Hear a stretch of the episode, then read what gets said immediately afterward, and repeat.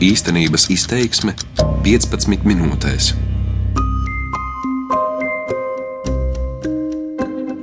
Esiet sveicināti, mans vārds ir Mārcis Zanders, un šodien gribētu parunāt par tēmu, kas vēl burtiski nesen bija ļoti, ļoti karsta. Un jautājums ir, kas ar to ir noticis šobrīd?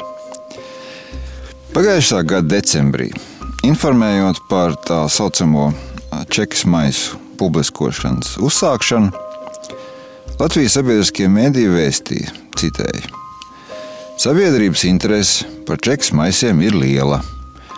Latvijas Nacionālais arhīvs ņēmis vērā Lietuvas pieredzi un gatavojies, ka dienas laikā vietni varētu apmeklēt desmit tūkstoši interesantu.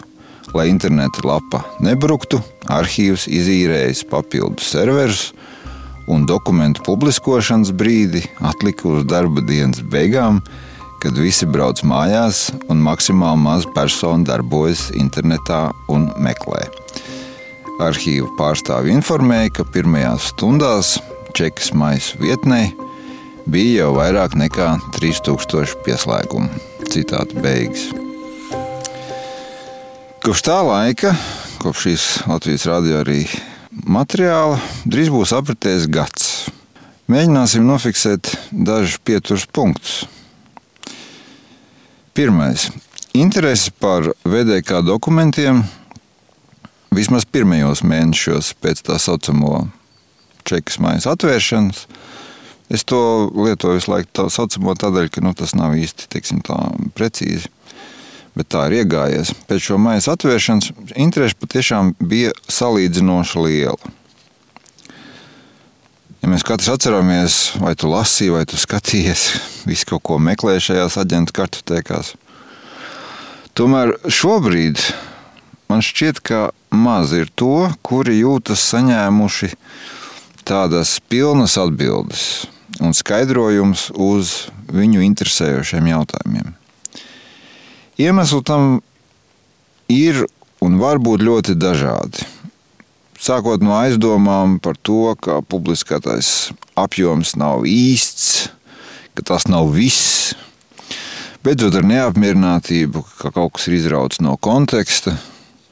Nu, gal galā es pieļauju, ka arī cilvēki, kuri pēc šo aģentu kartotēku šķirstīšanas teica, nu un tālāk, un tad vēl viss šie stāsti par pierādīšanas faktu tiesā un tā.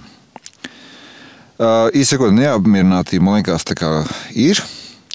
Lai gan jāsaka, ka manuprāt, galvenais iemesls tomēr ir tāds, ka mēs tēlēni izsakoties gribējām un iespējams joprojām gribam ātras atbildes uz sarežģītiem jautājumiem.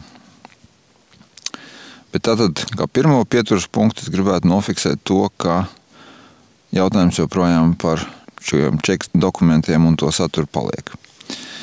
Otrais Lai iegūtu atbildes uz sarežģītiem jautājumiem, ir nepieciešams ilgstošs un profesionāls pētniecības darbs. Turklāt ne tikai VDK dokumentu, bet represīvās sistēmas okupācijas gados un ideoloģiskās kontrolas kopumā pētniecības darbs. Un te es gribētu atgādināt par Latvijas Zinātņu akadēmijas 2018. gada 14. februārī rīkoto ekspertu koncīliju ar nosaukumu VDK ēna pār Latviju, ko vēlas sabiedrība. Viedokļi tur bija daudz, bija arī tādi, ka tolaik vēl kā maisus kā vispār vērt vaļā nevajag, tāpēc, ka tas šķelšot sabiedrību Nu, es domāju, ka to tagad vairs iztirzāt nav vērts vienkārši tāpēc, ka mājas atvēršana jau ir notikusi. Tomēr pieminēšanas vērts ir piemēram tolaik Latvijas Nacionālā arhīva direktors Mārs Sprūģis teiktais, ka citēji ir jārunā par sistēmu, nevar runāt tikai par atsevišķiem cilvēkiem. Čekas maisi ir sistēmas produkts, bet kur paliek tie, kas to visu radīja, veicināja, mudināja, audzināja. Citādi beigas.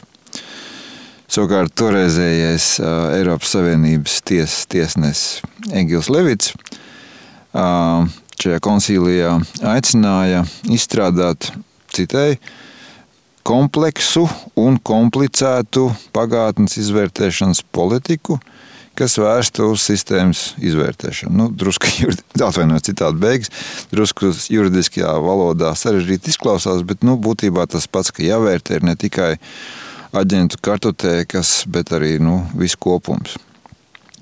Lai kā arī būtu, tad šis otrais uh, pieturas punkts, ka skan apmēram manā izpratnē tā, ka maisu atvēršanai šīm kartotēkām vajadzēja būt tikai izpētes sākumam kas turpinātos.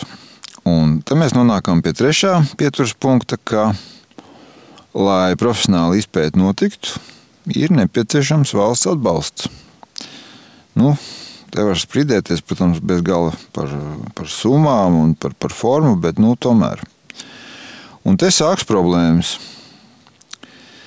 Pildot likumu uzdoto, tad nu, ir īpašs likums, Latvijas Nacionālais arhīvs turpina papildināt publiskoto VDK dokumentu klāstu. Piemēram, chronoloģiski jaunākais veikums um, šā gada 25. septembrī. Es atvainojos, ja varbūt ir vēl, nu, burtiski vēl pēc 25. septembra kaut kas parādījies. Ir uh, vietnes uh, kgb.arhīvu.lv papildināšana ar LPSR valsts drošības iestāžu vadītāju biogrāfiskajām ziņām. Un, cik saprotu, tad šādu funkciju veikšanai nauda arhīvām būs arī 2020. gada budžetā. Teikšu godīgi, ka iepazīstoties ar budžeta projekta mm, teiksim, tādu izklāstu ministrija griezumā, nu, es īsti tādu naudu neredzēju, bet man nav pamata apšaubīt dažu vēsturnieku saimnes deputātu teikto, nu, ka tā nauda tur kaut kur ir ieslēpta, lai arhīvs varētu šo darbu turpināt. Tā ir labā ziņa. Tāpat labā ziņa ir tā, ka savu profesionālo darbu arhīvs veids godprātīgi.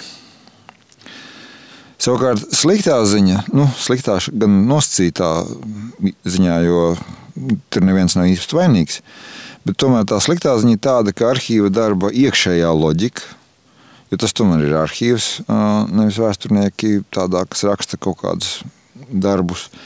Šī iekšējā loģika un arī iespējas objektīvi nespēja sniegt atbildes uz daudziem jautājumiem. Jo, piemēram, no arhīva viedokļa droši vien šīs biogrāfijas bija jāpublisko, jāpublicē. Nu, varbūt daudziem cilvēkiem tādas nemaz neinteresē, bet interesē kaut kas cits. Savukārt ar tādu plašāku kontekstu savulaik mēģināja strādāt VDK Zinātniskās izpētes komisija. Nu, tur gāja raibi. Pērnā gada jūnijā valdošā koalīcija pieņēma lēmumu komisijas darbu nepagarināt. Tur bija dažādas vēl peripētīs, savstarpēji apvainojumi un tā. Nu, labi, šobrīd nav vērts vairs laust šķēpes par iemesliem šīm diezgan saspringtajām attiecībām starp komisiju un politiskiem aprindām. Vienkārši ir skaidrs, ka atšķirībā no vairākām citām valstīm, Lietuvas, Polijas, Ukrainas un tālāk. Tā joprojām. Latvijā vairs nav, un nu, šķiet arī nebūs atsevišķas pētnieciskas struktūras, kas specifiski nodarbotos ar totalitārismu izpēti. Uh, savulaik, vēl šā gada pavasarī, tādās politiskajās aprindās tika runāts, ka uh, var iztikt arī bez īpašas struktūras, uh, vienkārši atvēlot šādu tēmu izpētēji finansējumu, kas tika sadalīts uh, konkursu kārtībā. Uh, un var, varētu, protams, darīt arī tā, tikai šādam finansējumam ir jābūt. Un uh, tāda nav. Tāpēc, kā acīm redzot, uh, nu, tā, kultūras ministrijai un izglītības un zinātnes ministrijai uh, šī tēma nav bijusi sevišķi aktuāla.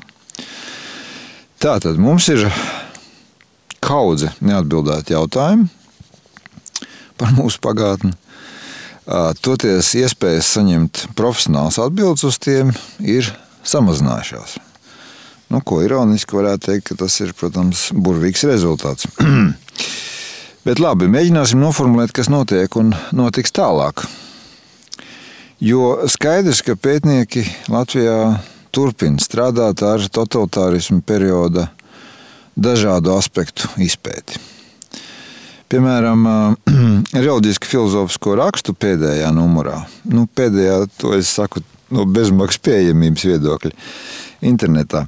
Lai kā arī būtu šogad iznākušajā, tad šajā reliģiski filozofisko rakstu pēdējā numurā izlasāmi noderīgi teksti par padomju varas attiecībām ar garīdzniecību Latvijā un arī PSRS. Turklāt gan no represiju viedokļa, gan arī no tā viedokļa, kā kristīgo konfesiju pārstāvji sadarbojušies ar, ar padomu varu. Un, um, Līdz ar to ir jāuzsver, ka pētnieki tiešām uh, nodarbojas ar šo plašāko kontekstu, kas galu galā varbūt ir daudz būtiskāks par aģentu kartotēkas publiskošanu. Cits piemērs, ja atveram žurnālu vēsturi pēdējo numuru, tad atļaušos teikt, ka profesora Aivara Strangas rakstu sērija par kultūras un mākslas sovietizāciju okupācijas laikā ir varbūt nozīmīgāka par kartotēku jo tā parāda, cik viegli kultūras aprindu pārstāvji pielāgojas konjunktūrai un, kā saka, met kā žoku uz otru pusi. Jūs zināt, kā ir kā aģenti, zināmā mērā ir pagātne kaut vai tā līmenī, ka nu, daudz no šiem cilvēkiem ir cienījamā vecumā. Savukārt izdabāšana varai to skaitā naudas varēja. Nu, to, tā joprojām ir šodiena. Un es, protams, atvainojos par šo īdzīgo piezīmi, bet es tā tiešām domāju. Un tādēļ šādas tēmas ir svarīgas. Tāpat akadēmiski korekta un daudzpusīga okupācijas perioda izvērtēšana laika pa laikam lasāma Latvijas Vēstures institūta žurnālā un žurnālā Letonika. Bet problēma ir tā, ka cilvēks kuru interesē okupācijas periods. Nu, katram savs kaut kāds aspekts, bet kuram nav profesionāla motīva, krustu šķērsu, regulāri lasīt dažādus zinātniskos izdevumus, meklēt, sekot līdzi. Šāds cilvēks var pat nezināt par kāda jauna, interesanta pētījuma parādīšanos. Tādēļ mans subjektīvais ierosinājums Saprotot, ka naudas veidīgā pētniecībai 20. gadā tāpat nebūs. Bet tomēr nu, ierosinājums ir apmēram šāds. Ka, ja politiskās aprindas ir izlēmušas, ka atsevišķa pētnieciskā struktūra nav nepieciešama, labi, ka nav nepieciešama pat atsevišķa pētniecības programma, okay. šīs aprindas varētu vismaz gādāt, lai okupācijas perioda tematikai veltītie pētniecības rezultātus, mūsu vēsturnieku, nu, īsakot, pētnieku darbi, būtu atrodami kaut kur un izlasāmi vienopus. Tas neprasa daudz naudas. Visbeidzot, jautājums, bet varbūt mums šī okupācijas perioda pētniecība nemaz nav vajadzīga. Un es cilvēciski varu saprast tos, kuriem šī čekas maisu tēmas cilāšana un kratīšana nav simpātiska. Bet tur jau tā lieta, ka gadiem ilgi mīcoties ap šo maisu tēmu, Mēs zināmā mērā esam paši sev sašaurinājuši fokusu. Es atgādināšu, ka šogad aprit 30 gadu kopš Berlīnas mūra krišanas un sākuma lielajām pārmaiņām PSRS un PSRS satelītu valstīs. Un ticiet man, ka Polijā, Čehijā, Ungārijā, Vācijā ir ļoti daudz publikāciju par posmu, nu, ko mēs saucam par okupācijas posmu, bet nu, tā, par posmu no otrā pasaules kara beigām līdz 1989. gadam. Jo tiek pamatot uzskatīts, ka šis posms turpina ietekmēt arī šodienu. Gan jauno Eiropas Savienības dalību valstu attiecības ar, ja tā var teikt, pārējo pasauli, gan Austrum Eiropas iekšpolitiku. Un līdz ar to ir vērts mēģināt izprast paņēmienus, ar kādiem totalitārais režīms manipulēja ar individu vairāku desmitgažu garumā, lai mazinātu šādas pazemošanas iespēju šodien un nākotnē. Darbības vārds īstenības izteiksmē izsaka darbību kā realitāti. Tagatnē, pagātnē vai nākotnē, vai arī to noliedz.